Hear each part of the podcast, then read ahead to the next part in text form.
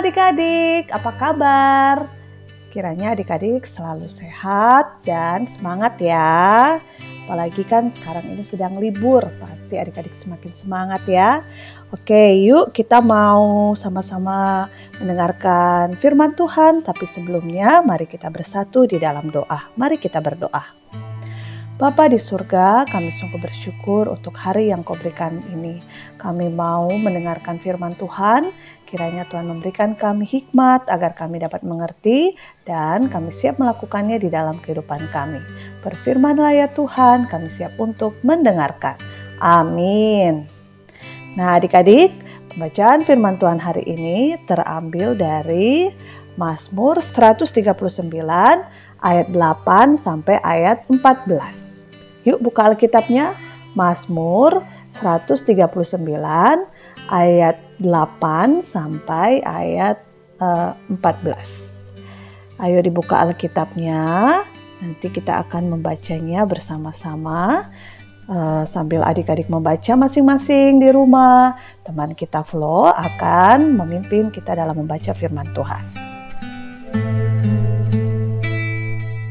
Mazmur 139 ayat 8 sampai 14. Jika aku mendaki ke langit, engkau di sana.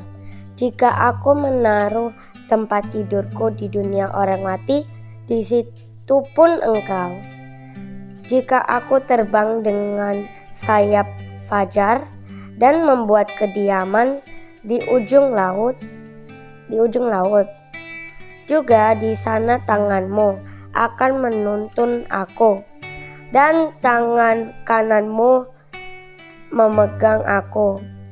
Jika aku berkata, biarlah kegelapan saja melingkupi aku, dan terang sekelilingku menjadi malam, maka kegelapan pun tidak menggelapkan bagimu dan malam menjadi terang seperti siang. Kegelapan sama seperti terang. Sebab engkaulah yang membentuk buah pinggangku, menenun aku dalam kandungan ibuku. Aku bersyukur kepadamu oleh karena kejadianku dahsyat dan ajaib. Ajaib apa yang kau buat dan jiwaku benar-benar menyadarinya. Demikian firman Tuhan hari ini. Adik-adik, hari ini kita akan mendengarkan kisah tentang kelahiran bulan, bintang, dan mentari. Pada siang hari itu, saat Bintang sedang duduk bersama papa dan mamanya, tiba-tiba Bintang bertanya kepada papa mamanya, Apakah papa dan mama senang mempunyai anak-anak seperti bulan, bintang, dan mentari? Sambil tertawa, papanya balik bertanya, Mengapa bintang bertanya begitu? Papa dan mama jelas sangat senang dan bersyukur punya anak-anak seperti bulan, bintang, dan mentari. Mereka didatangkan Tuhan ke tengah keluarga dengan sangat menakjubkan. Mereka dilahirkan pada saat-saat yang benar-benar istimewa bagi papa dan mama. Bulan didatangkan pada saat papa dan mama gelisah apakah mereka akan dikaruniai keturunan karena mereka menikah pada usia yang tidak lagi muda. Kelahiran bulan disambut dengan penuh sukacita dan ucapan syukur oleh segenap keluarga besar yang sempat mengetahui kegelisahan papa dan mama dulu. Bintang juga didatangkan secara istimewa ketika bulan sudah mulai tumbuh dan merasa membutuhkan teman. Meskipun sangat cukup mendapat kasih sayang papa dan mama, kelahiran bintang disambut dengan sukacita yang meluap. Terutama oleh bulan yang sudah mulai bisa berbagi dan menyatakan sayangnya kepada adik bayinya bintang.